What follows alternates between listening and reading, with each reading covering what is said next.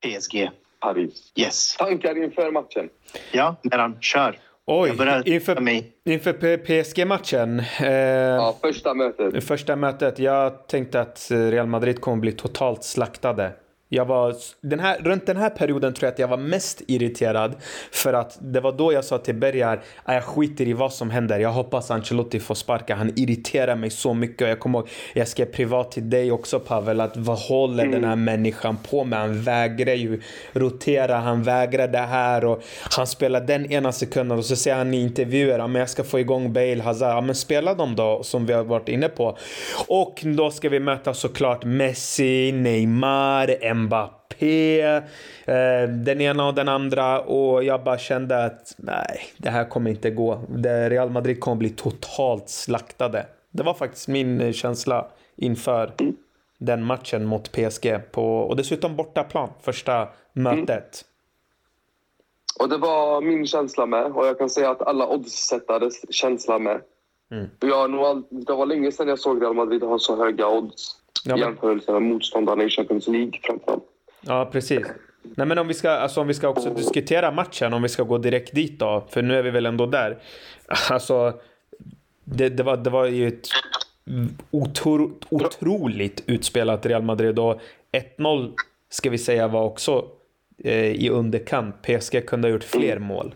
Eh, Ja, ja. Det var det mest positiva med matchen. Ja, precis. Eh, och återigen en Courtois som var helt brutal. Eh, en, eh, en Messi som missade straff också. Ska vi komma ihåg. Hade han suttit i den Nej, straffen. Messi missade inte. Courtois räddade. Räddade. Ja, exakt. Så kan man också se det. Absolut. Mm. Så är det ju. Det var där, det var där allt började egentligen. Mm. Eh, Ja. Få upp den där tron om att vi kan ta det här. Eh, en annan sak som vi satt och var väldigt irriterade på under matchen det var att PSGs vänsterkant det var Nuno Mendes och det var Mbappé. Vi ställde Ja. frågan hur fan kan inte Federico Valverde starta på den där högerkanten bara för att radera det helt och hållet? För där var det Marco Asensio. matchen. Kommer du ihåg det? Ja. Exakt. Och Exakt. precis Meran, precis som du är inne på. Fortfarande här, Ancelotti gjorde bort sig. Han är medveten om det själv. Mm.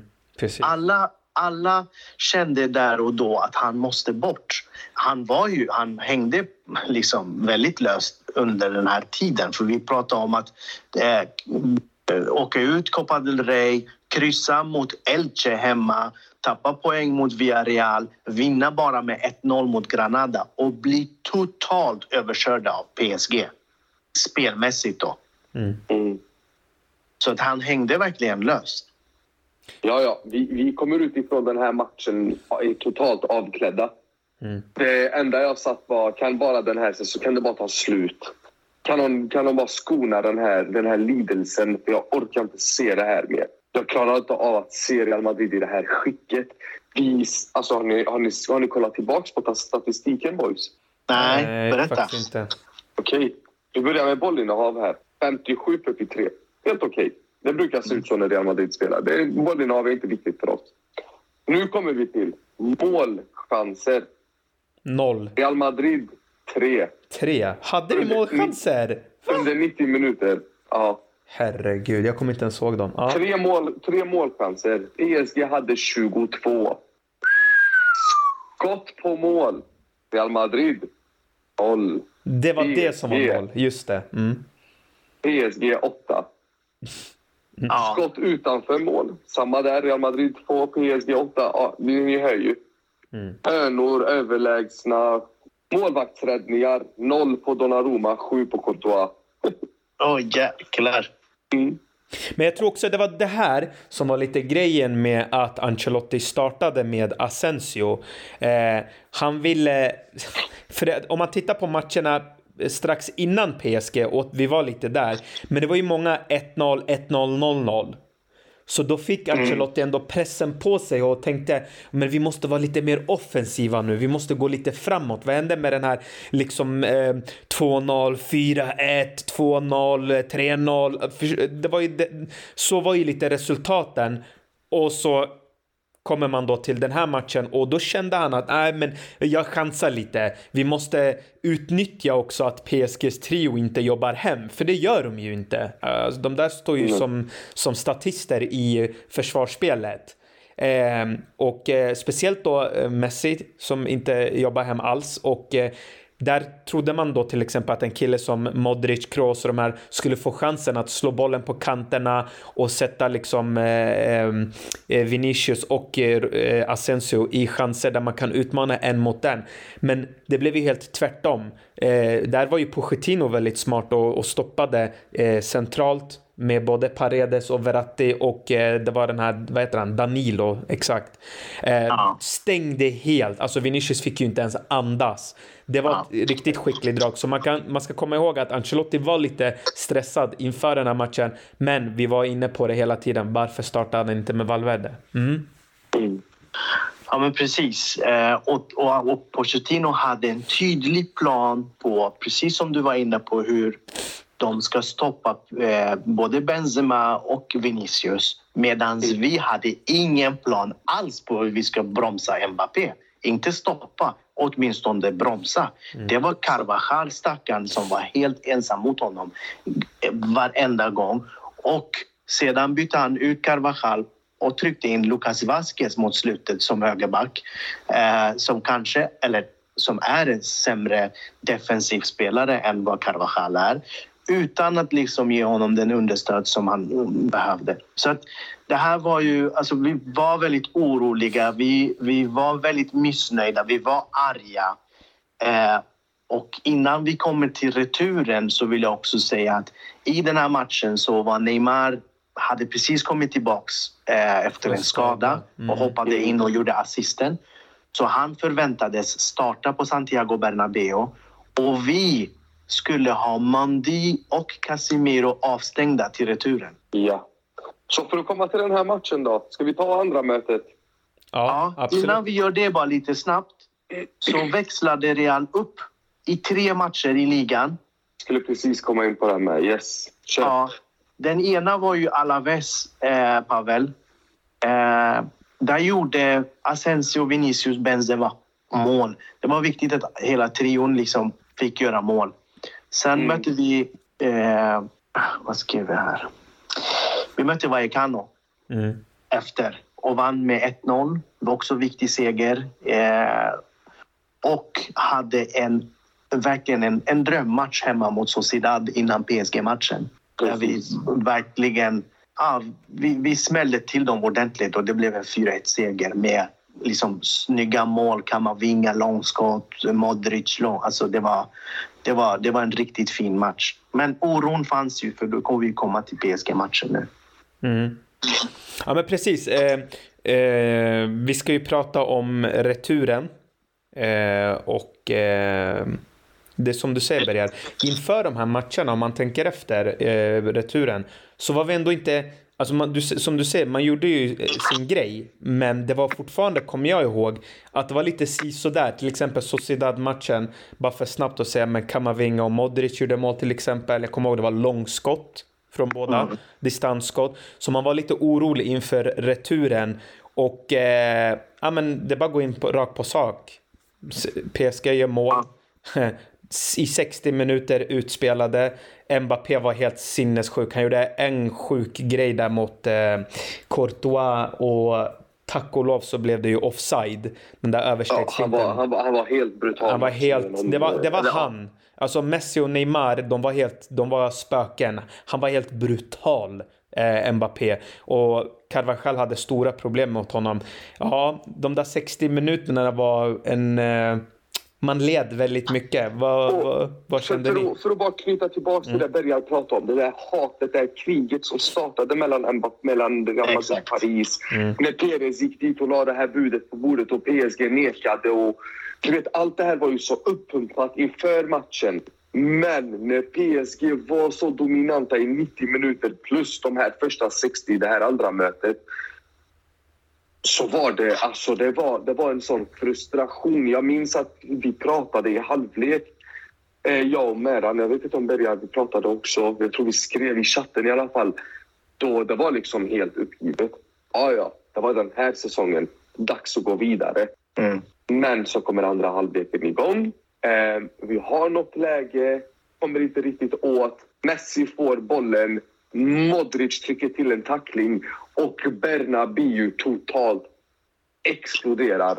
Och där händer någonting som... Alltså folk får ursäkta, men det går inte att beskriva sånt. Det finns inte ord man kan sätta på vad som händer innanför den ovala arenan, den, den, den där Bernabéu, det här, det här Coliseum. Någonting händer där inne som man inte kan... Man kan inte förklara det. Nej. Utan du måste vara där och känna det. Och det är ju det här som de här gamla legenderna har varit inne på. Mm. Och de här storspelarna, när de, när de har spelat på Bernabéu och åkt på sånt här och kommer därifrån förklarar och säger du är ingenting. Du är störst när du går in där. Men när trycket kommer igång på Bernabéu så försvinner du. Och PSG kollapsar. Mm. Ja, men det var helt sjukt. Precis. Eh, det, var, det som var intressant var ju också, återigen, vi har ju nämnt det hela det här avsnittet och hela genomgående hela eh, säsongen. Han gör inga byten, han gör inga byten. Och det är ju de där två bytena med Kamavinga och Rodrigo som helt förändrar den här matchen. Ja, för han startar ju Asensio igen den här matchen. Precis, vilket var helt sjukt. Den där konan. Ja, precis.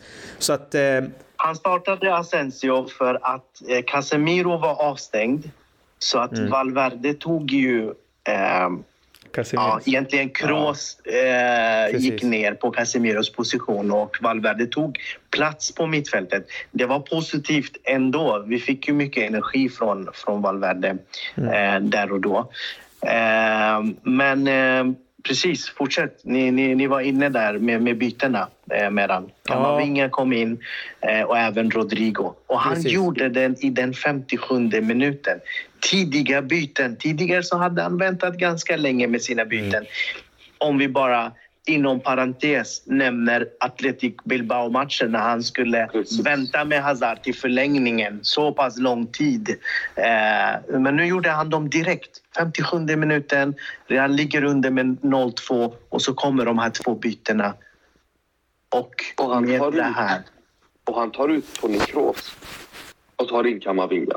precis. Mm. Det är Precis. också ett drag som är modigt. Det, det ska man inte underskatta och våga göra det där i Champions League. Ja, och Tony Kroos spelade ju där eh, som sittande och eh, det, det var helt enkelt för långsamt. Och vi hade ju faktiskt sett tendenser till att det eh, funkade när det var Valverde, Kamavinga, när det var alla, eh, hela mittfältet där. Då blev det en helt annan dynamik. Så jag tycker både Kamavinga och Rodrigo, eh, men främst Kamavinga faktiskt, som kom in med den här energin på mittfältet, vann dueller. Eh, den här Danilo kunde inte sätta sin prägel på matchen som han gjorde i första fysiskt. Och då kom ju det här misstaget från Donnarumma. Eh, diskuter, omdiskuterat eh, såklart och sådär. Eh, kunde ha absolut blåst frispark men han är en idiot som ska försöka eh, ta emot bollen där. Och Benzema och Vinicius eh, är påpassliga. Benzema gör 1-1 och det blir total eufori och man tänker nu. Eh, där och då faktiskt så var jag ganska bekväm med att säga nu kommer Real Madrid och och, och ta det här. Real Madrid kommer vända. Jag var helt, nästan helt säker på det för jag bara kände att det här är Real Madrid. Vi är, en, vi är remontada-klubben. Vi är den här klubben med fansen eh, var där och det kokade. Ah, det var så mycket som hände. Vi, och det är så fantastiskt att prata om de här matcherna. Vi ska ju komma in på de andra matcherna också men det är Real Madrid som gör Champions League. Jag lovar, för alla neutrala där ute så är det Real Madrid som gör Champions League. Alla andra matcher, det var så här, ja ah, men vi visste, okej City vinner, okej Liverpool vinner. Ja, ah, det var inget magnifikt eller det var inget wow. Det är Real Madrid som gör Champions League. Och det här var återigen ännu ett bevis när Benzema trycker in 2-1, han gör 3-1 och det var bara mäktigt. Det var, det var så skönt och jag kunde inte tro mina ögon. Det, det var på ett sätt så var det ju så. Men vid 1-1 målet, jag kände mig lugn, jag kände mig säker. Och eh, ja, Pochettino återigen eh, kunde inte ta det hela vägen. PSG kunde inte ta det hela vägen och Real Madrid var dominanta. Mm. Bra sammanfattning va?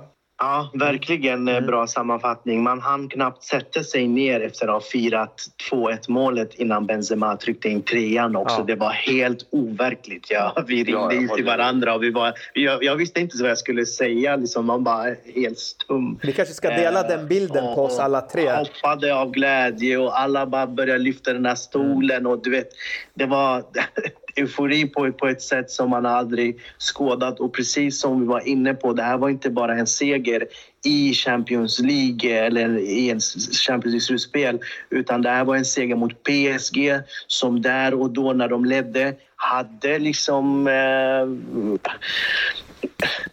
jag ska inte säga att det var något maktskifte utan det kändes som om ah, de fick rätt. De har statsägda lagen, de är större, de är starkare nu. Vi klarar inte att möta dem. Men jo, det gjorde vi visst och de fick känna sig och vara liten på Santiago Bernabéu. Det var en match om, eh, eh, om, mot Uefa, liksom att Real Madrid tar sig vidare till nästa omgång i Champions League och PSG som är, som är Uefas, eh, ursäkta, hundar nu för tiden. Eh, så, så var det liksom, det betydde så mycket att slå ut PSG just i den här matchen. Inte bara för det Champions League, utan det var, det var maktspel. Det var Perez mot eh, Nasser, det var liksom Perez mot Super League och Uefa och så vidare. Så det betydde så himla mycket att, att ta och med, tanke, och med tanke på de värvningarna som PSG gjorde inför säsongen och så stod vi där med liksom byxorna neddragna och ingen Mbappé som kom. Och, och där stod Mbappé och hade stor show i 90 minuter plus en timme på Bernabéu sen. Och så stod vi där till slut som segrare där vi ser alla bara lyfta en stol som om det vore en trofé när Benzema gör 3-1 målet. Där våra ansikten fortfarande finns printade på en print som finns i Merans telefon. Och ja. Leonardo och heter han, eh, presidenten i Paris, jag glömde hans namn, tappade Nasser går ner och är förbannade för en situation som hela fotbollsvärlden sitter och säger skyll dig själv åt. Mm. Du vet, det var, det var bara, bara där, hade säsongen tagit slut där så hade jag lagt mig ner och sagt det här är det bästa som har hänt på väldigt, väldigt länge. Ja. Det, det var faktiskt en minitrofé där redan. 100 procent. Ja, det var en mini-Champions League-trofé att vinna för Real. När man slår ut eh, liksom de stora favoriterna med den där Messi, Neymar, Mbappé-trion med Donnarumma som hade kommit och varit EMs bästa målvakt och skulle få priset, eller fick priset, världens bästa målvakt och så vidare. Och, och det, det var så mycket som var runt omkring och ändå så lyckas fransmannen Karim Benzema, killen från Lyon, göra ett hattrick mot PSG på 15 minuter och verkligen sänka dem helt och hållet. Ah, det, känslorna börjar liksom koka upp nu när vi, när vi pratar om, om, om matchen. Mm. Eh, så det, ja, det är där vi är. Eh, hörni, eh, så att vi inte fastnar då. Eh, mm, precis. Uh, och, ja, jag tänker så här. Alltså, vi, vi ska ju såklart gå vidare med de resterande matcherna som är kvar, eh, Berga. Men jag tänker att du kanske vill nämna lite om eh, förlusten mot Barcelona.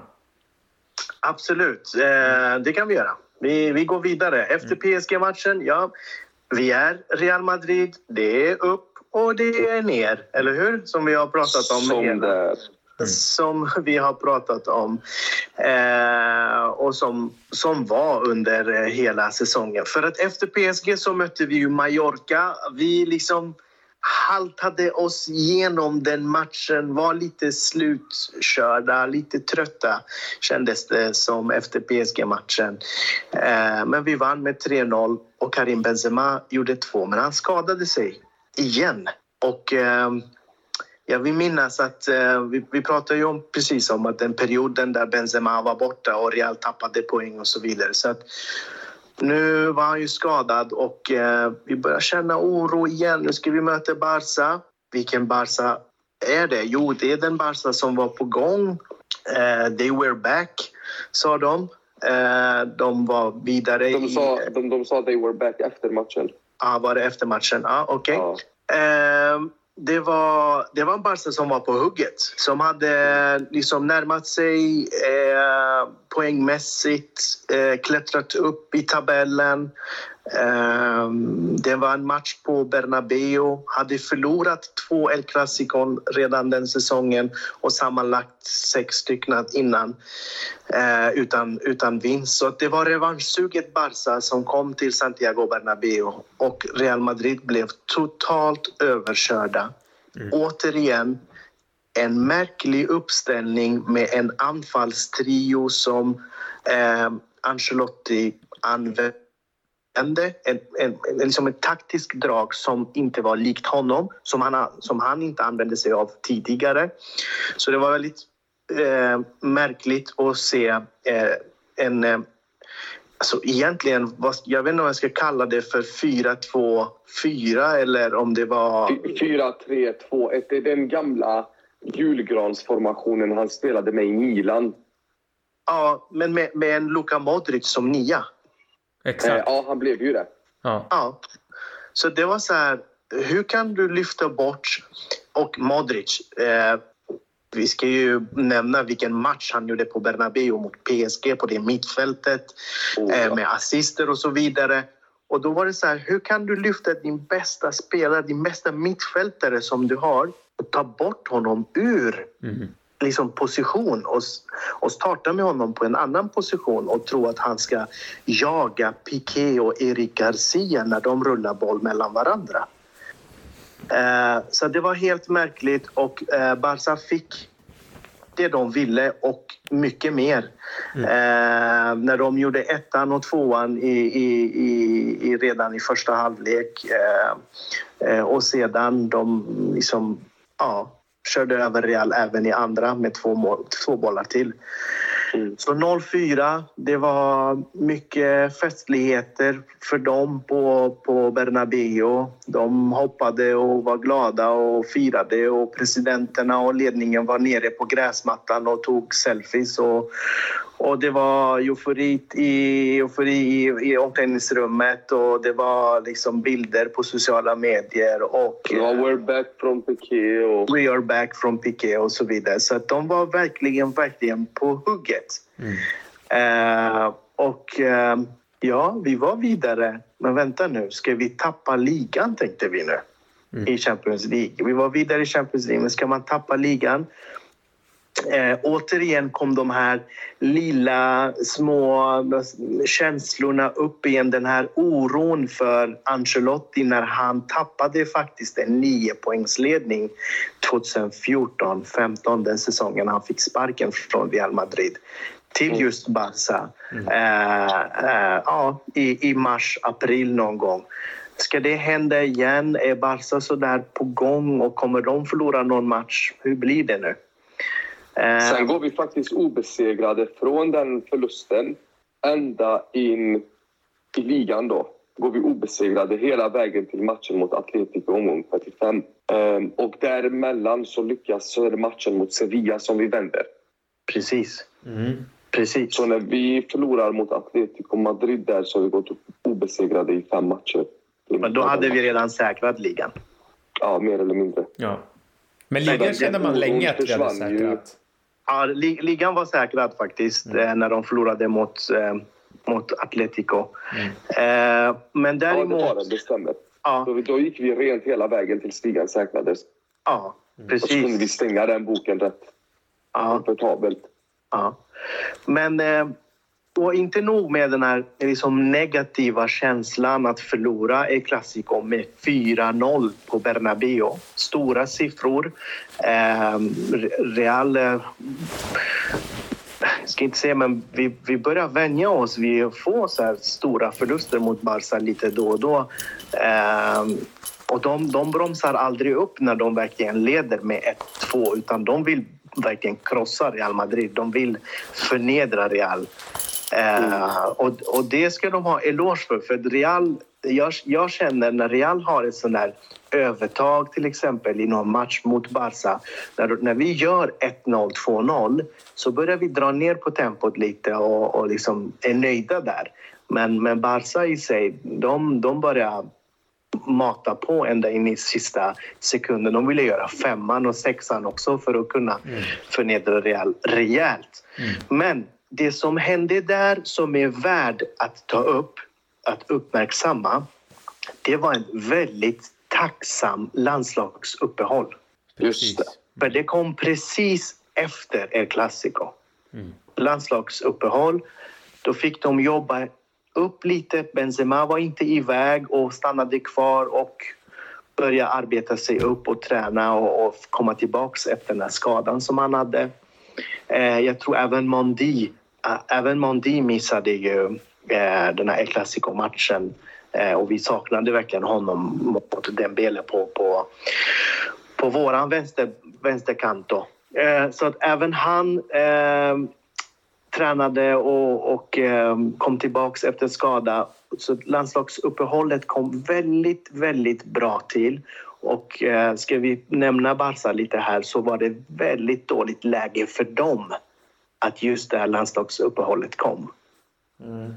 Eh, för som du var inne på Pavel, då började vi ju rada upp segrar. För då blev det Celta Vigo direkt innan Chelsea-matchen. För Chelsea-matchen kommer ju strax efter. Det blev ju en vinst borta mot Celta. En viktig match och ta tre poäng, resa sig direkt efter El Clasico. Det blev två straffar. Ehm, Real var ganska utspelade ändå av Celta, hade stora chanser att, att göra mål och, och punktera matchen. Men, men, ehm, men Real lyckades ändå ta tre poäng därifrån.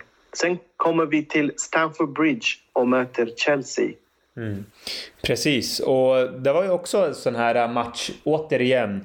Eh, Real ser eh, utspelade ut. Eh, man, alltså, man... Eh, det, det, här var också faktiskt en av de matcherna man gör det bra, men Chelsea var ändå där eh, och jag tyckte att det här Chelsea kommer bli nog det svåraste eh, laget eh, att möta för Real Madrid. Eller det är bland den tuffaste lottningen. Det var på förhand så man kände. Ehm, men eh, Real gjorde en bra match faktiskt och eh, man gjorde ju väldigt eh, tidiga mål och allting såg väl ut. Och sen gör ju Havertz en reducering där då precis innan första halvlek ska ta slut typ. Och ja, återigen ett, ett, ett, en bra match men där Chelsea är med och på förhand återigen där man kände så här, nu kommer det väl ta stopp, nu kommer det väl ta stopp. Eh, men ja, det här är Real Madrid. Helt sjukt. Mm. Det är ju en av och de bästa... Ja, ja, bara vill nämna Benzemas. Det är hans andra hattrick i rad i Champions League. Dubbla hattricks. Först mot PSG, sen matchen efter i Champions League mot Chelsea. Eh, det får vi inte glömma att nämna. Eh, och sen så var de här matcherna allt efter PSG-matchen för mig var en bonus. Mm. Jag minns att vi pratade om det då jag sa att för mig, för mig var det bara slår vi PSG så är jag nöjd. Sen mm. då, jag, då kan jag säga jag är nöjd, det räcker nu. Vad som än händer, bonus. Och så går vi och gör den här matchen i Champions League. Vi, vi spelar inte fantastiskt, men vi vinner med 3-1. Mm. Det är bra resultat mot ett lag som Chelsea. Ja, det var ju kanske den bästa prestationen alltså, spelmässigt vi hade mot dem. Eh, jag tycker ju ändå att vi spelade rätt så bra i 60-65 minuter mot dem. Mm. Framförallt första 20 var vi, 20-25 var vi riktigt bra. Ja. Eh, värt, värt att notera här, vi har pratat om det, Mondi var tillbaka, Benzema var tillbaka med ett hattrick. Men det var första gången i Champions League i det här slutspelet där Federico Valverde fick starta på den här höger ytterpositionen mm. tillsammans med Vinicius och Benzema framåt. Då. Eh, så att, eh, och då kändes det så här, ja, nu när, man, när elvan kom ut, Carvajal, Militao, Alaba, Modric, Kroos, Casemiro och sen trion framåt, Valverde, Benzema, Vinicius. Mm. Då kände man, ja nu har Ancelotti verkligen, verkligen lärt sig en läxa.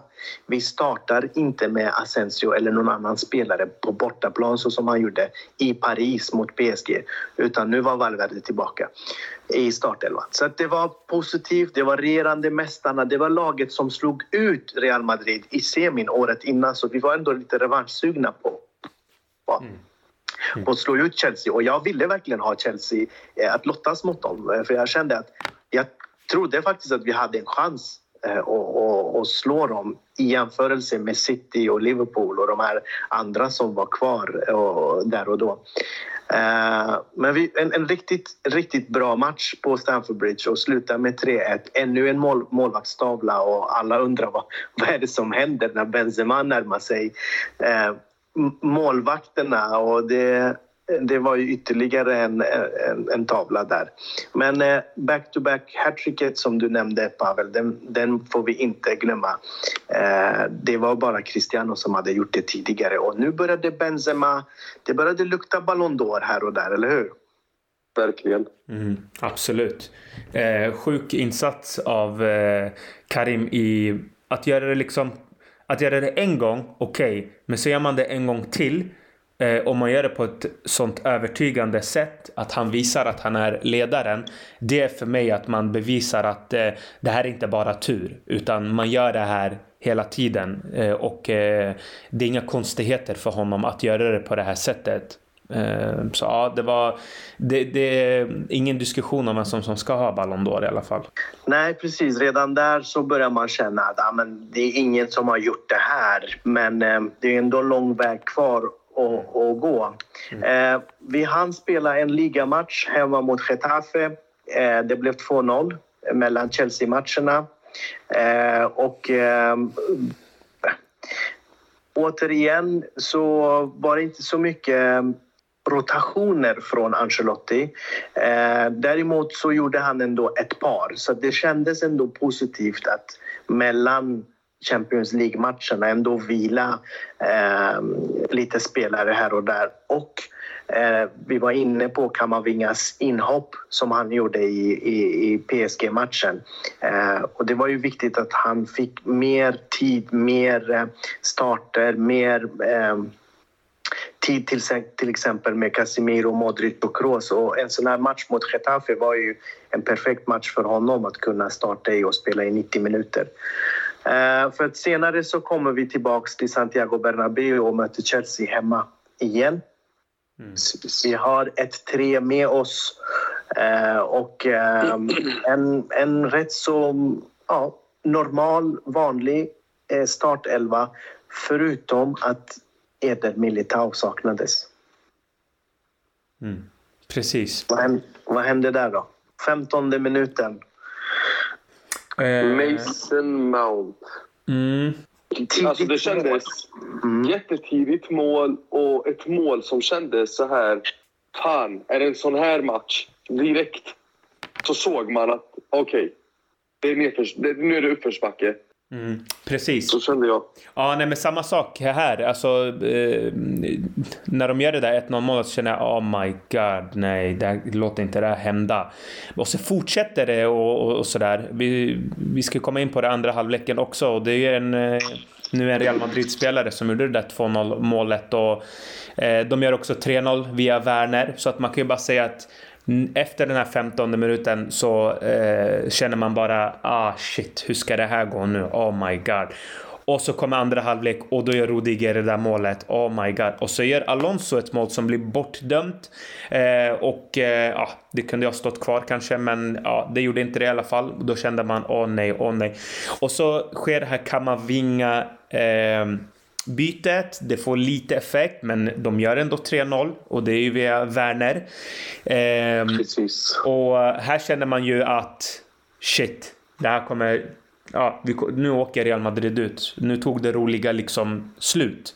Eh, det kommer inte bli bättre än så här, för Chelsea var så extremt dominanta under de här 75 minuterna. Eh, man släppte inte till mycket. Eh, taktiken var perfekt. Här hade Tuchel verkligen gjort sin läxa och verkligen förberett sina spelare för att eh, göra jobbet. Men vi vet ju, det här är ju Real Madrid. Eh, vi älskar ju en remontada. Eh, vi kan inte bara stå där och titta på. Så 78 matchminuten så gör ju Rodrigo, eh, eller så kommer Rodrigo in och bara två minuter senare så gör han eh, 1-3 och eh, man börjar liksom tro på det här igen. Det är så sjukt. Det är så mycket upp och ner. Vi har ju pratat om det nu hela det här avsnittet, hur mycket upp och ner det är med Real Madrid. Det är så mycket känslor och Modric slår den där yttersidan, helt sjuk yttersida till Rodrigo. Magisk. Ja. Den är helt, helt fantastisk. Alltså, det där är fotbollskonst. Ja. Det där ska du rama in och Precis. hänga upp. Mm. Och så kommer förlängningen och eh, man, man, man känner ändå att det här kan gå vägen och det är ju Karim Benzema så, som vanligt och Vinicius som vanligt. Och man måste ju prata om den här duon. Nu börjar den här duon verkligen liksom, man känner bara ännu mer och mer. Det här är den bästa duon i världen faktiskt. Eh, de här två tillsammans är helt oslagbara, ostoppbara. Eh, de har två kvaliteter eh, som räcker eh, att hålla en eh, anfallslinje. Det är inte många klubbar som kan säga så. Man brukar oftast ha tre, man brukar oftast ha en till liksom eh, bakom eh, trion till och med. Eh, så att eh, här är det två liksom som gör det. Och eh, ja, men, eh, Chelsea försöker, man har tror jag någon bra chans, man gör några byten men det funkar inte och eh, Real Madrid går vidare mot Chelsea. Vilket var helt eh, magiskt. Och nu trodde man ju på det här ännu mer för att grejen är, vi, ska, vi, vi kan ju gå vidare, det händer inte så mycket emellan här eh, med att man får möta då City. Eh, man vinner i ligan bekvämt och det, det är inte mer med det. Man kan nämna Sevilla-matchen där Benzema gör en, en, en helt brutal eh, det, vändning och Nacho också med i bilden. Nacho kommer med här i bilden lite mer. Men... Det, det, det, man kan lägga till om Sevilla-matchen lite kort, mm. det är ju egentligen är det i den matchen Real säkra ligan. Ja, För den det vinsten, det var liksom That's it. Mm. Hade de tappat ja, där så hade det ja, varit lite eh, varit lite mer utrymme för Barca också. Och det kändes som om när de väl säkrade den matchen, då tappade Barca allt också. Ja. De tappade hoppet helt och hållet. Eh, så det var en oerhört viktig seger. Och återigen, man, man kunde inte tro sina ögon. Här sitter vi och ligger under ja, runt omkring 85 minuten och så vänder Real mm. och vinner igen. igen. Det gjorde de mot PSG, de gjorde det mot Chelsea. Och här börjar vi också se ett mönster i Real Madrid och det mönstret kunde vi nu i efterhand också se genomsyra hela säsongen. Och det, är, och det går tillbaks till Antonio Pintus, det här som vi pratade om. För att, bra Pavel, det, du, du får alldeles säga det också. För här börjar vi se mönstret om att andra halvlek, det är då de magiska händer för Real Madrid. Det är då Real Madrid orkar. Det är då Real Madrid kliver fram. Det är då Real Madrid verkligen mosar, maler ner sina motståndare mm. oavsett vilka det är. Får jag hamra ner det här lite i vad det betyder som fotbollsspelare och tränare att få igenom det här. Mm. Nu vill jag att alla föreställer sig en linje från början från vänster sida till höger sida. Från vänster sida så är det minut nummer ett. Längst ut till höger är det minut 90. Som fotbollstränare, som fysiolog, så vill du att ditt lag, om vi räknar fotbollsaktioner som du gör under en match, och då tänker jag alla fotbollsaktioner. Nedtagningar, skott, passningar, inlägg, eh, bollförflyttning, positionsförflyttning, all, all, all, alla moment, alla, allt som du gör under 90 minuter. Sätt utsatta X över den här linjen. Ju större X det är, desto mer uthållighet har du. Och desto bättre uthållighet du har, desto bättre utför du de här momenten. Visst? Så ju längre en match går, desto mindre blir de här Xen. Det Pintus har lyckats med, det är ju det som alla fotbollsfysiologer strävar efter. Är att minut 75 till 90, det är matchens avgörande. För det är då alla spelare är som tröttast. Lyckas du då att bibehålla full fokus och kan utföra dina moment i större X än dina motståndare, då vinner du de matcherna. Och den här säsongen så har Real Madrid prickat det. Oavsett vilken match vi har spelat, från minut 75 till 120 om det är så, så har Real Madrid varit det laget som har sett otröttat ut. De har sett orubbliga ut, som om de precis har börjat spela matchen. Mm.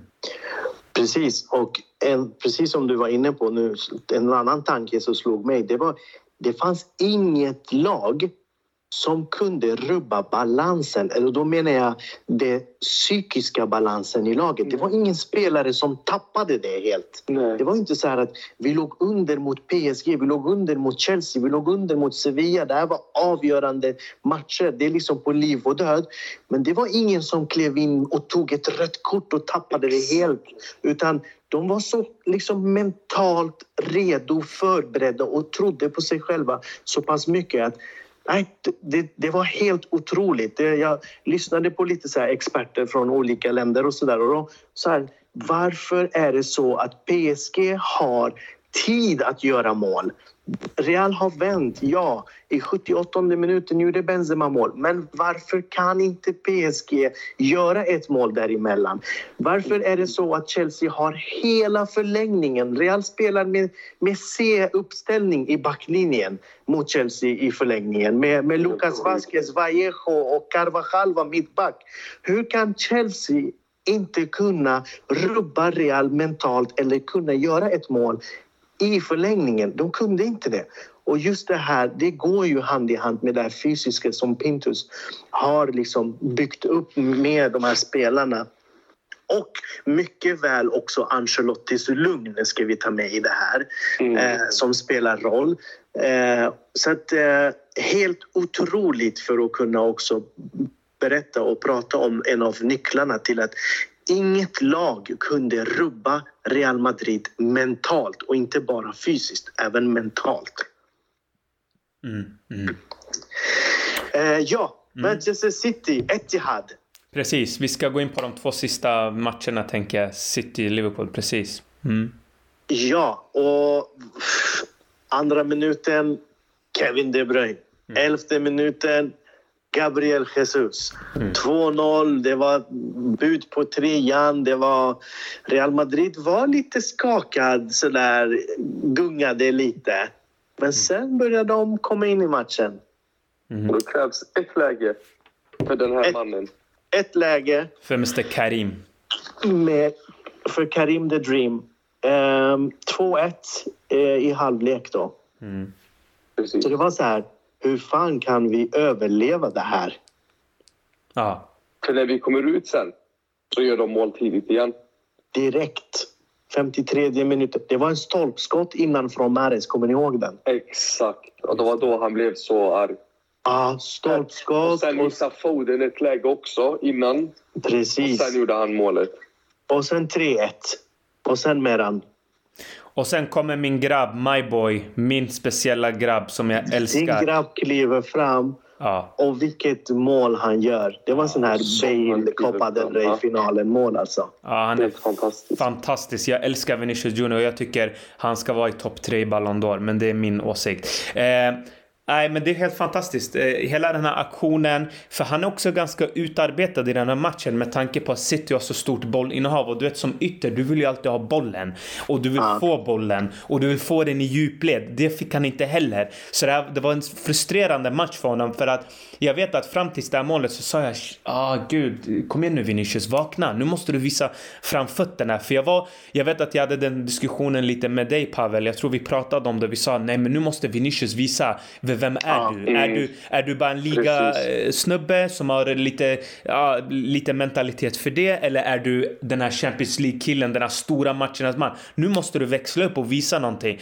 Och då gör han det här och det visar bara, som jag sagt från dag ett om Vinicius, även när många sa till mig nej men han måste lånas ut eller till och med en försäljning. Det var det jag sa att den här killen har mentalitet. Det är det han har. Och här visade han det genom att eh, göra den här patenterade finten. Och det är också en sån här grej jag älskar med spelare som, som har självförtroende och spelare också som skiljer sig från mängden. Det är att de vågar göra saker fast det har gått dåligt innan. För Vinicius var inte bra i den här matchen. Men i den där aktionen så sket han i vad han hade gjort tidigare utan han gjorde den här patenterande finten, den gick förbi eh, Fernandinho. Eh, vi ska ju komma ihåg att Fernandinho fick ju hoppa in här för en skadad eh, John Stones. Eh, och eh, ja, spelar bort honom totalt. De andra hänger inte med och han eh, gör det han eh, har blivit kritiserad för tidigare och det är ju avsluten. Att ändå ha du vet, lungorna Eh, det är en sak, men sen att också kunna orka göra ett avslut på det mäktigt. Och eh, det blev lite vändningen i den här eh, stunden för att det jag tänker är att vid ett 3-2 resultat, även om nu City gjorde fyran, vilket de gjorde, så hade inte han gjort det, då hade det blivit 4-1 och 4-1, det hade varit liksom helt över. Istället så mm. känner man 4-2, okej, okay, det är bara två mål ifrån och så får Karim straffen och han gör 4-3 och det får ses ändå som ett jäkligt bra resultat med tanke på hur City kom till den här matchen. Man var ligaledare, man har under hela säsongen spelat utan en forward och ändå massakrerat lag höger och vänster. Eh, man kom med gott självförtroende. Eh, tittar vi också på om man, eh, jag kanske skulle ha nämnt det här, men jag kan nämna det nu, men eh, i början av Champions League så hade man en statistik på vilka klubbar man trodde eh, skulle vinna Champions League League. Eh, och eh, City Liverpool var högst, Real Madrid på 6% Vilket är mm. enormt lågt. Alltså jag kan säga att det var experter som sa att Inter och Atletico Madrid hade större chans än Real Madrid. Alltså det var på den nivån. Mm. Uh, så, men bara för att knyta i alla fall säcken i den här matchen. Som sagt, man tror igen. 4-3. Helt jävla sjukt med tanke på att City borde ha vunnit där med 5-1 och 4-0 eller vad, vad, vad, ja, vad man nu vill säga. Men det här är ju Real Madrid och man visar individuell kvalitet och det är de två spelarna återigen, Benzema och Vinicius, som gör de här sjuka aktionerna. Men jag vill också passa på att nämna, runt den här perioden så är det också så att Real släpper in mot Chelsea 3 och nu släpper man 4 mot City. Och det var lite det här med att Militao hade en väldigt jobbig period här. Mm. Eh, han var inte alls i form, gjorde onödigaste misstagen och man var fortfarande rädd inför returen. Eh, och vi kan gå in direkt på returen där det hela börjar med Bergar, eller hur? Att City tar väl eh, ledningen. Ja, men eh, ja, inte direkt då, men... Eh, eller ja, förlåt, men, man tar ledningen men, i matchen. Ja. Ja, verkligen. Eh, det var ju den matchen, alltså första City-matchen där vi var mest skakiga av alla de matcherna vi hade spelat eh, bortsett från El Clasico. Då. Eh, mycket så här individuella misstag, Militao, så enkla hemåtpassning som går till hörna till exempel. En sån här mm. enkla mm, passningar emellan som man missade och, och markeringsmiss och det ena och det andra. Eh, mm. Så du är helt inne och touchar på, på, på det där jättefint. Eh, I andra matchen så är ju City lite mer lite mer avvaktande. Vi får också inte glömma att vi får tillbaka Casimiro som, eh, som var, var borta i, i första Eh, i första matchen mot, eh, mot, mot City. Då. Eh, och det gjorde ju att det var det blev inte alls de stora ytorna. Eller, City kunde inte lika enkelt komma åt Reals straffområde som de kunde göra hemma. Eh, I första omgången. Så Casemiro var tillbaka. Han och Kroos eh, startade ihop med Modric på mittfältet och eh, eh, Alaba var tyvärr skadad i den matchen. Så det var återigen Nacho som fick förtroende. Vi var inne på att Militao hade en dålig period men samtidigt så hade Nacho en jävligt bra period. Exakt. Eh, han, han, han verkligen klev fram, fram och bröst, bröstade rollen ordentligt när både Helt Alaba eller Militao sinnes. var borta. Mm. Han spelade ju vänsterback mot, eh, mot PSG och liksom högerback i den andra matchen här och där också. Så att, eh, mm. Han var väldigt, väldigt viktig för att lyfta för det är en sån spelare som inte får så mycket uppmärksamhet. Mm. Eh, men eh, det dröjde länge och fram till 73 minuten. Vi hade lite chanser mot eh, City, eh, lite i första halvlek, lite i början av andra halvlek. Så Real Madrid var lite på gång. Men i den 73 minuten när, när Mares gjorde eh, mål mm. så var det så här, ja, Real Madrid har vänt matcher och flippat matcher hittills. Men ska man verkligen göra det igen? Mm. Kan man kan man göra det igen? Det var, det var den stora frågan. Mm. Men någonstans så satt vi alla och kände att det behövs ett mål, för det har alltid behövts ett mål. Det gjorde det mot Sevilla. Det behövdes ett mål i andra halvlek, så kom vändningen. Mot Chelsea var det ett mål, då kom vändningen. Mot PSG var det ett mål, så kom vändningen. Så vi satt nog allihopa och väntade på det här målet. Eh, och eh, Ancelotti, han gjorde sina klassiska byten igen. Mm. Eh, duon Kamavinga och Rodrigo klev in igen. Eh, Kamavinga klev in istället för Modric direkt efter att Mares hade gjort sitt, eh, sitt mål. Ja, Eh, precis. så att, Så han eh, tar ut, till, till minut 75 när han tar ut eh, Casemiro och Modric så har han även tagit ut Kroos mot Rodrigo. Så han byter ut hela mittfältstrion där.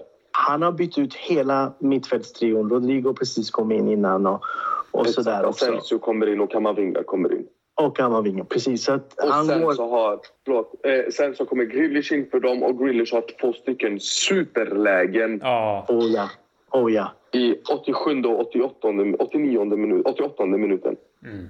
Vad händer sen med han? Ja, nej men vad hände sen? Alltså, det, det är eh, Rodrigo. Min, min broder Rodrigo. Och eh, det är så här. Eh, när, jag, när De Bruyne gick ut där för, förresten i 72 minuten. eh, Så, Mm. så, så tänkte jag vilken id, vad är det för idiotiskt byte? Och jag bryr mig inte vad experterna eller andra tycker. För jag vet några som har sagt ah, men det är lätt att vara efterklok. Nej, det spelar ingen roll. Du visste att du mötte Real Madrid och du tar ut Kevin De Bruyne. Det var idiotiskt. Och 1-0 kom sen, men då sa jag till er då, nu kommer Real Madrid vända matchen ändå. Så när Rodrigos mål kom, då visste jag att det här var över för City. Redan vid första, och det som, som ni säger, vid första målet då vet man att det här är över. Rodrigo gör 1-1, Rodrigo gör eh, 2-1. Benzema avslutar det hela med en fin straff, solklar dessutom. Och, och City Ja, det tappar det. diskuterar folk den straffen på riktigt? Ja, det är helt sjukt, men det gör ju vissa. Det är som när... Lägg ner. Ja. Skojar du eller har de inte sett? Alla turrunkare Ja, får, eh, får eh, eh, hitta något annat att eh, diskutera. Men som sagt, eh, återigen gör- gör Real Madrid en sån här match där många tycker att det är oförklarligt, men det är kanske inte det med tanke på att det här är vad Real Madrid gör. Real Madrid har arbetat hårt med det här. Man har under hela säsongen förberett för sådana här situationer och man har ett utarbetat system. Man börjar väldigt tryggt och säkert. Ibland går inte det hem. Då har man Rodrigo, man har Kamavinga. Återigen gör Kamavinga också en monst- monstruös insats i den här matchen. Eh, och även Rodrigo avgör igen. Och eh, det här vill jag i alla fall säga till alla turrunkare som alltid pratar om att Real Madrid har tur när man vinner Champions League. För det har man pratat nu om i hundra år. Det är sån enorma förberedelse och hårt arbete bakom allt det här. Det får man inte glömma. Eh, Zidane i en intervju häromdagen berättar hur han eh, i o- i oändligt många timmar sitter och liksom analyserar, förbereder vad han ska säga till spelare och så vidare. Och det är sånt här som eh, Ancelotti utmärker honom, där han verkligen får visa eh, varför Ancelotti är Ancelotti. Att han kan förklara för en spelare som Kamavinga, eh, för Rodrigo, att ni kommer inte få så mycket kanske speltid som ni vill, men ni kommer vara viktiga för det här laget. Och då ser man då resultatet av det här. Och det tycker jag kanske vissa andra tränare har svårigheter med. Att eh, hålla sina spelare nöjda hela tiden, även om de inte får speltid. Eh, så ja, men en magisk vändning återigen. Och återigen är det Real Madrid som sätter Champions League på kartan. Det, det är så det är. Hela världen är i chock. Eh, vi är i chock. Men det är Real Madrid. Och så går vi vidare och eh, det är ju Liverpool som står på andra sidan i finalen. Mm. Jag tänkte bara lägga till eh, lite saker där som du är inne på, det här med Real Madrid. Det är också den här tron när alla andra liksom slutar spela. Det är då Real Madrid tror att de kan vinna också. Eh, när, när City verkligen tänkte att nu, nu har vi det här. Nu leder vi med två bollar. Vi tar ut De Bruyne som är kanske största stjärnan, eller det är den största stjärnan i laget. Det som förvånar mig det är att Guardiola hade sett Pochettino och Tuchel att göra de här felen innan. Mm. Men att han Precis. också åkte på samma mina. Det, det är lite det här att auran runt omkring Bernabéu, publiken, laget, eh. DNA och allt det här. Det får de här tränarna att göra såna misstag. Det är inte tur någonstans, utan det är så det är. Och eh, eh, det går inte... Real Madrid kändes som döda och man kan ju säga så här, det finns ju mycket så här citat, du kan inte döda någon som redan är död. Så att, eh, det gick inte att begrava Real Madrid helt, helt Det gick att döda dem, men det gick inte att begrava Real. Och just där och då att Rodrigo gör 1-1 och de ser att det är sex minuter tilläggstid. Bara den där känslan att Åh, nu jäklar, nu tar vi det här. Det får ju Ja, den, den, den känslan är- den går inte att beskriva det går inte att beskriva, det går inte, det går inte att ta fram. Det här är Real Madrid. Remontada är synonymt med Real Madrids DNA. Det är så det är. Det finns ingenting som kan rubba det där. Och det är framför allt i Champions League. Vi gör det i ligan också, men framför allt i Champions League. Men också att göra 2-1 och gå in i en förlängning återigen. Jag tänker City, du har 30 minuter, två gånger 15 och behöver göra ett mål. Mm. Hur kan världens, kanske världens bästa lag för tillfället, Manchester City, eh, inte kunna göra det här mot Real Madrid? Vad är det som De händer? hade inte kaka. De hade Ingenting. ingenting. De kändes helt ofarliga. Varje gång kändes de ofarliga. Jag var inte orolig en sekund. Och det sjuka är, efter att Rodri- Rodrigo gör 2-1 alla andra lag skulle säkra, backa, döda tid, försöka få det här till förlängning. Vad De gör Real Madrid istället? De lägger in ännu en växel. Rodrigo är nära på att göra ett hattrick. Eh, innan innan liksom, eh, domaren blåser av eh, för full tid. Så att, det, det är den känslan att kunna gå för det, verkligen tro på det. Det, här, det har varit så magiskt att få med och jag måste också lyfta det här, den här mixen av spelare som Real Madrid har haft den här säsongen med äldre rutinerade spelare som Benzema, som Modric, som Kroos, Casemiro, Alaba som kommer in också mixat tillsammans med det här unga Rodrigo, Valverde, Camavinga, Vinicius där de äldre verkligen visar vägen men där också där de äldre verkligen tror på de här yngre. Alla som är utbytta i den här matchen det är ju egentligen hela trion på mittfältet som vi pratar om. Mm. Eh, Kroos eh, och, och Modric och eh, eh, Casemiro blir utbytt. Så att alla de här står ju vid sidan av och verkligen väntar på de här yngre ska sköta det här. Och den tron på den här sammanhållningen, på det här liksom teamet som Real Madrid har byggt upp, det var helt och magiskt. det, det som är så fantastiskt är att efter matchen så, så frågar ju en, en reporter Kroos vad, vad stod ni och pratade om? Han bara, det är det här som beskriver Ancelotti så bra. Han bara, han tog tips av oss erfarna spelare och frågade vad, vad vi har för tips. Alltså, vad, hur matchsituationen ser ut. Vilken typ av spelare kan jag slänga in nu som kan klara av det här tempot? Och Exakt. att, och att kunna ha den transparensen. Ancelotti tror inte jag lyssnar på sina, sina spelare fullt ut. Men han är smart nog och vet när han ska göra det. I vilka situationer där han känner att nu behöver jag er att guida mig. Och att spelarna gör det med ett sånt förtroende och sen gör det med så stor respekt. Utan att hierarkin förstörs eller bryts. Det, det, det där är någonting som... Jag tror inte någon tränare i världen idag arbetar på det sättet. Folk pratar Nej, om verkligen. proffsman management och så vidare men Ja. ja, Ancelotti har sina... Hur många titlar har han? Sex, sex Champions League-titlar va? Som spelare och tränare. Ja, precis. Helt Eh, sinnessjukt. det, han, har, han har varit med, om man säger så, länge. Eh, nej, men verkligen. Just den här eh, truppsammansättningen som han har lyckats med och, och, och få alla att dras åt samma håll. Eh, det var ju lite turbulens med Benzema och Vinicius tidigare. Eh, när Vinicius var lite yngre kanske inte tog de rätta besluten. Men nu de här två som Meran var inne på de var väl, verkligen sammansvetsade ihop hela säsongen. Eh, den här mittfältstrion som bara lämnar över ansvaret till de yngre Kamavinga och Valverde utan att vara liksom, utan att känna någon typ av avundsjuka eller känna någon press eller stress eller något liknande. Utan man, man verkligen gör det och tror på varandra. Um, det, det, det har varit underbart att kunna se det här i Real Madrid.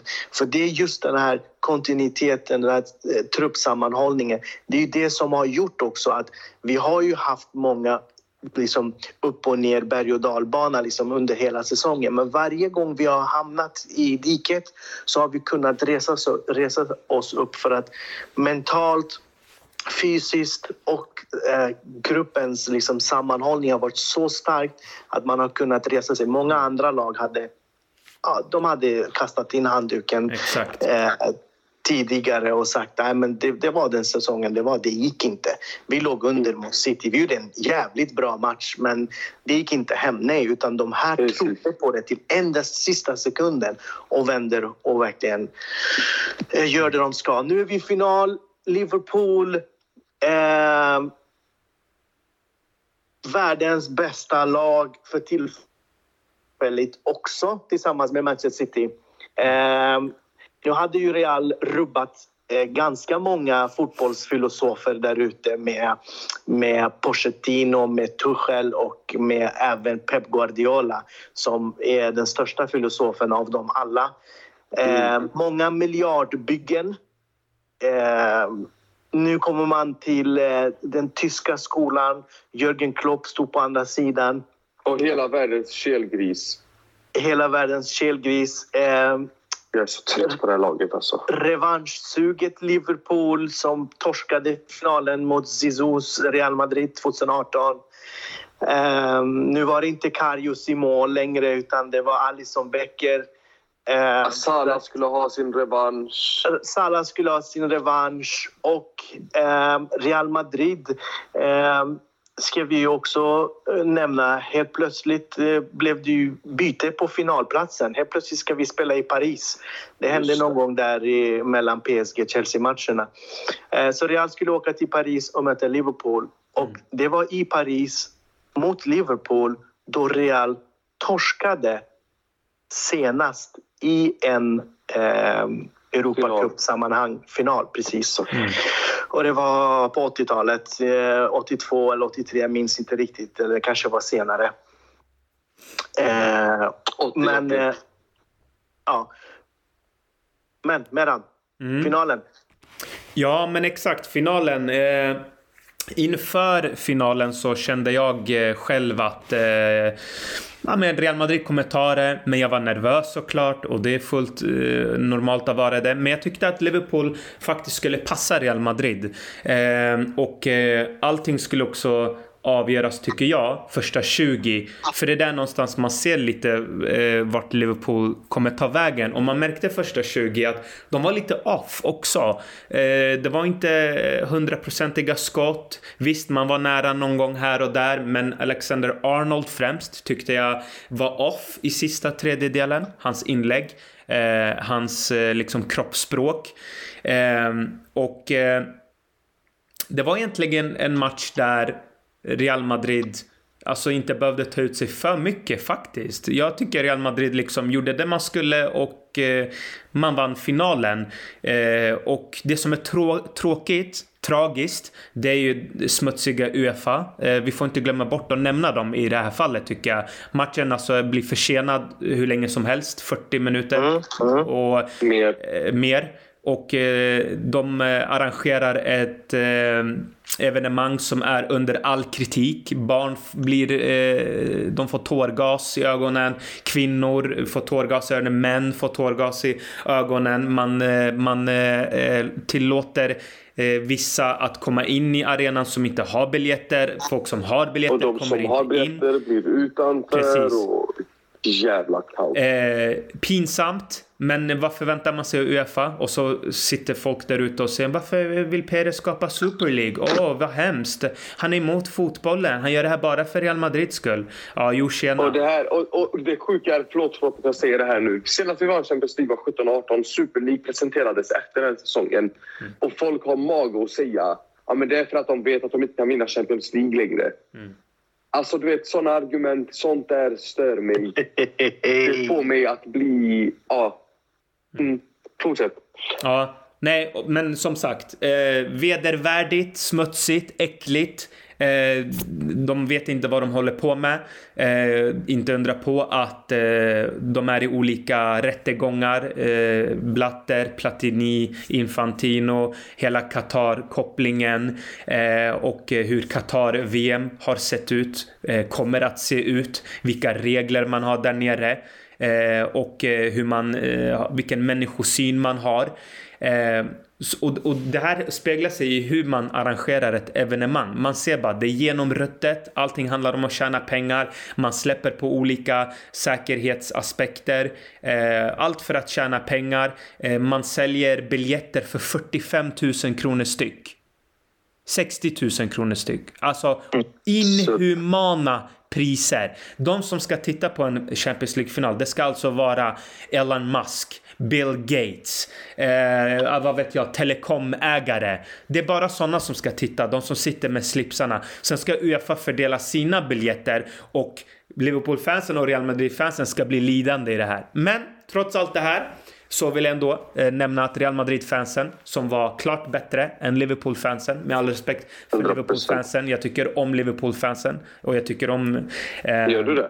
Ja, jag tycker ändå om Liverpool-fansen. På sociala medier är de dryga, men nu pratar jag bara om alltså, stämningen på arenan. Vilken stämning ja, de skapar på Anfield och vilken stämning de generellt skapar på fotbollsmatcher. Sociala medier, det är en helt annan diskussion. Där är de eh, jobbiga, de är en sekt. Men när vi pratar om eh, just i arenan så tycker jag ändå att Real Madrid, eh, och det tror jag inte kanske många förväntade sig, att Real Madrid skulle ha de fansen som låter mest och bäst. Nej, det tror inte jag heller. Nej. Real Madrid underskattade när det kommer till mycket ja. av den här fotbollsvärlden. Precis. Vi ska återkoppla till det.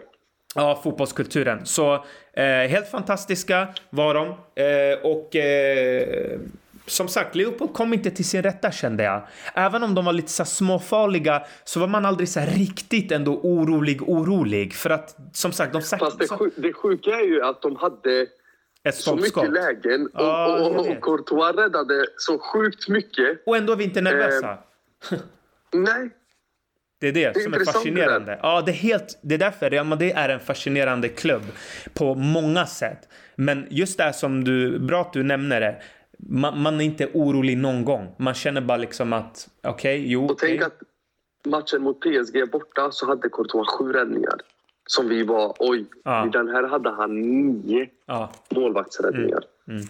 Och det, och det är också en sån sak. Alltså, det är på att få äga matchen hur mycket de vill och ha hur mycket possession de vill. Och Klopp kan efteråt klaga hur mycket han vill på att eh, en kom för att spela finalen och en gjorde inte det. Blä, blä, blä, blä. Där men är Real Madrid. Man ska väl vinna en final, eller? Vad sa du? Det handlar inte om att vinna en final. Nej men precis, exakt. Ja men eh, ja. precis, det handlar om att vinna. Vi är färdiga med den diskussionen. Precis, vi, exakt. De, de kom för att spela en final och Real var där för att vinna, vinna. en final. Ja, precis. Men eh, som sagt, trots alla de här tråkigheterna, för jag tycker att finalen förlorade lite sin udd med det smutsiga som Uefa gjorde. Jag vill vara mm. tydlig med det. För att sitta och vänta 45 minuter, 40 minuter. Alltså man tappade all den här hypen man hade byggt upp under dagen. Man är ju stressad som en supporter och man tänker okej okay, klockan nio då får jag äntligen se den här finalen. Jag får släppa på lite känslor men ja.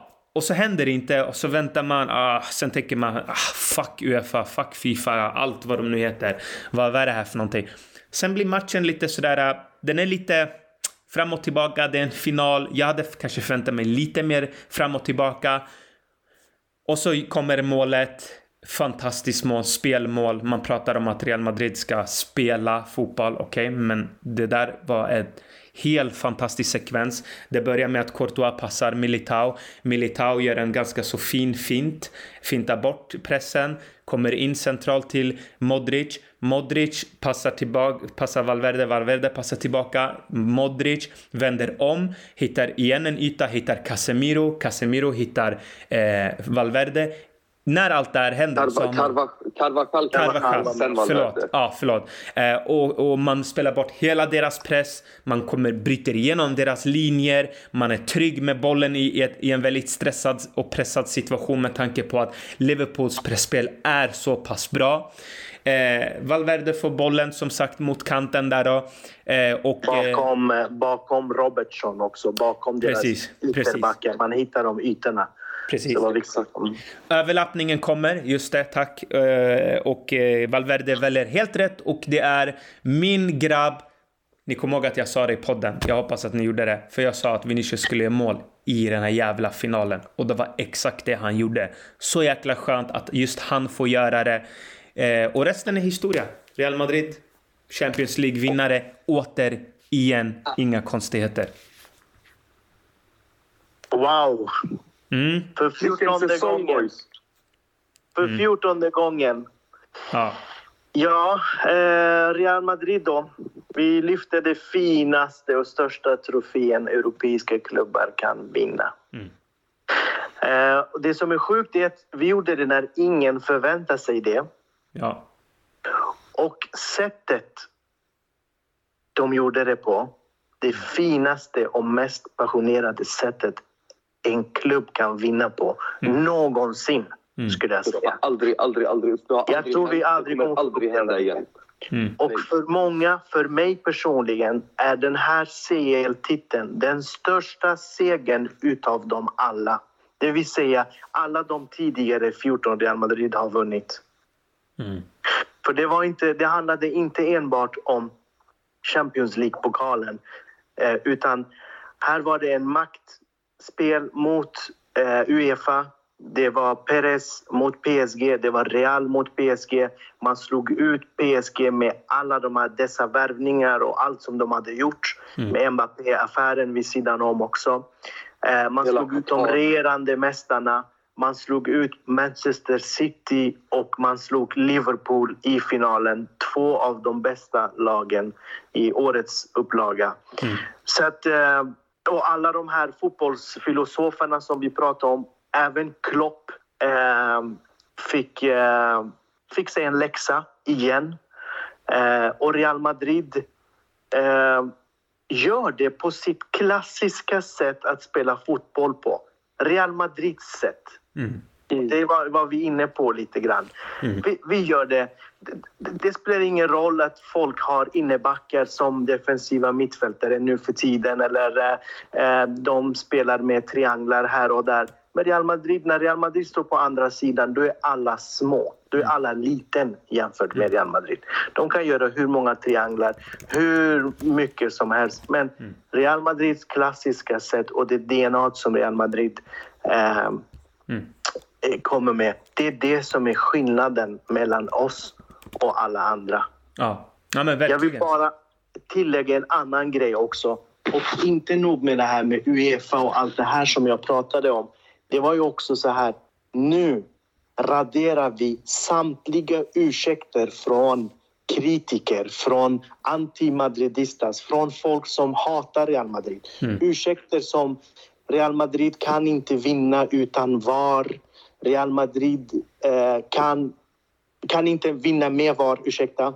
Real Madrid kan inte vinna utan Ronaldo. Real Madrid kan inte vinna utan eh, stora stjärnor, stora värvningar. Real Madrid kan inte vinna. Alltså, så mycket ursäkter här och där. Real Madrid får lätta slutspelslottningar. Real Madrid får en lätt väg till finalen. Alltså, alla de här ursäkterna som har funnits, som har, folk har pratat om, folk har skrikit, folk har kräkts ut.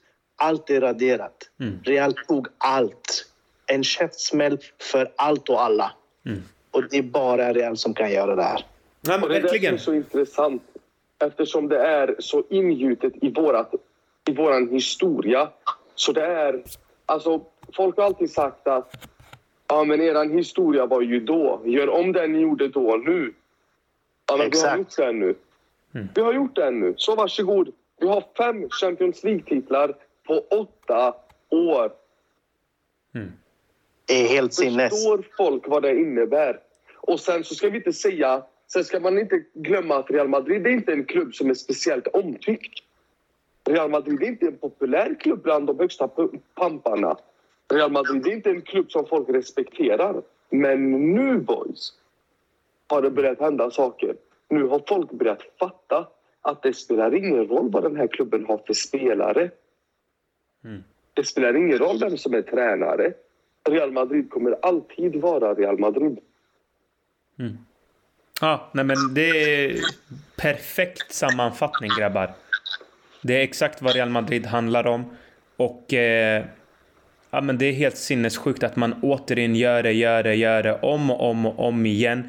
Vi blir lika förvånade varje gång, men eh, som vi alltid det säger. Det sjuka är att, förlåt, förlåt jag bara, ja. att jag avbryter där. Nej, kör. Men det, det, det, roliga, det komiska är att de, Real Madrid inte längre bara överraskar utomstående supportrar, mm. utan även oss. Vi är inbitna fans. Vi vet vad Real Madrid är. Ja. Men inte ens vi kunde förutspå det här. Nej. Precis. Eller säga att klart vi visste att det är ju Real Madrid. Nej, nej, nej. Det här var någonting utöver det vanliga. Så precis som du säger, Bergar, jag håller det här som det högsta jag mm. fått uppleva eller som den här klubben har gjort. Verkligen. Verkligen. Verkligen. Ja, grabbar. Verkligen. Eh, Real, den här mm. säsongen, eh, Linekers gamla citat om att det är 22 spelare som jagar en boll i 90 minuter och i slutändan så är det alltid Real Madrid som vinner istället för Germany. Eh, det, det, det, var, det, var verkligen, det var verkligen så. Det spelar ingen roll. Kom med vilket lag ni vill, vilken trio ni vill, vilken tränare ni vill, vilken budget ni vill, vilken stat ni vill i ryggen. Mm. Kom till oss. Och så var det det här, aj nu är det final, nu, nu har de inte Santiago Bernabéu längre. Kan Real Madrid göra det? Ja, det kan de. Det mm. gjorde de. Så, alltså, jag har aldrig sett större käftsmäll än vad Real Madrid delade ut den här säsongen. Nej. Det satt så många experter och räknade ut Real. Det satt så många experter som sa att Modric och Kroos är helt slut. Det, sa, det satt så många experter som inte trodde på Courtois, som inte trodde på Vinicius, som inte trodde på de här nya unga spelarna som Real Madrid har.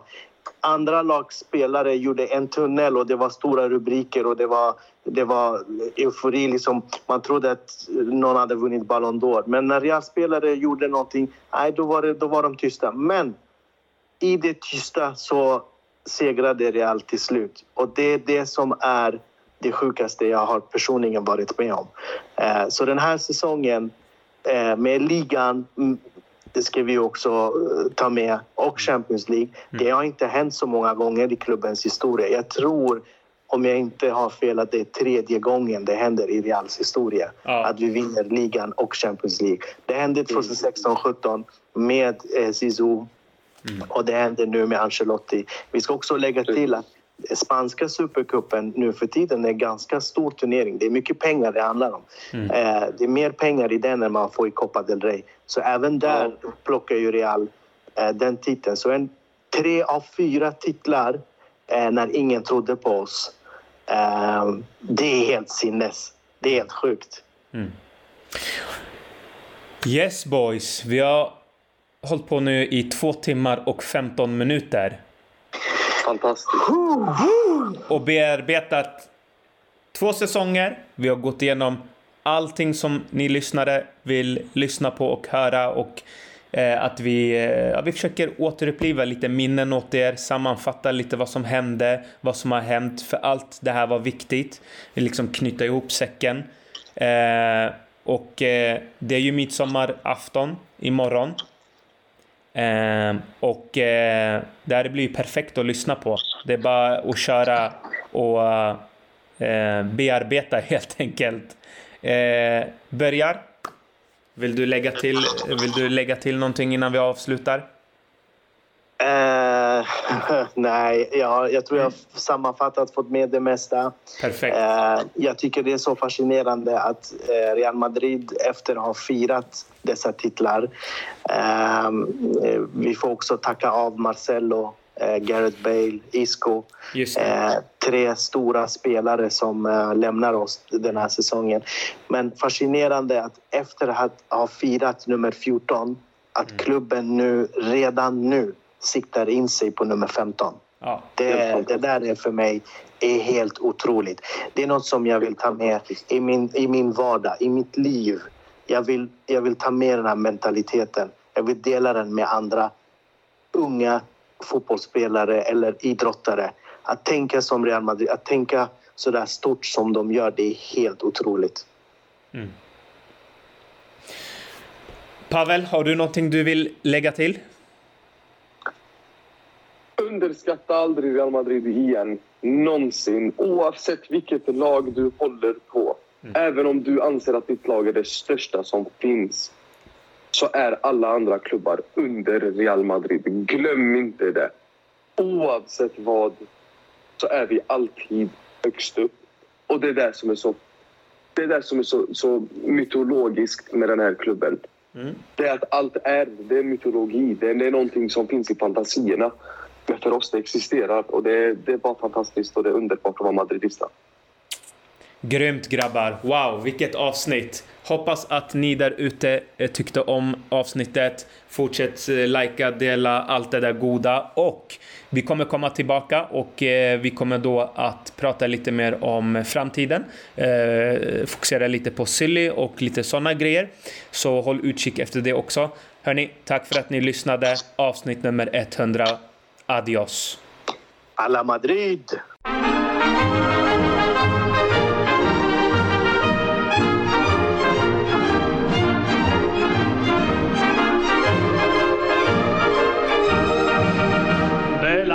Deportivas que campean por España. Va el Madrid con su bandera, limpia y blanca que no empaña. Club castizo y generoso, todo nervio y corazón. Veteranos y noveles, veteranos y noveles miran siempre laureles con respeto y emoción. A la Madrid, a la Madrid, noble y bélico Adalid, caballero del honor. A la Madrid, a la Madrid, a triunfar en buena lid, defendiendo tu color. A la Madrid, a la Madrid, a la Madrid. A la Madrid,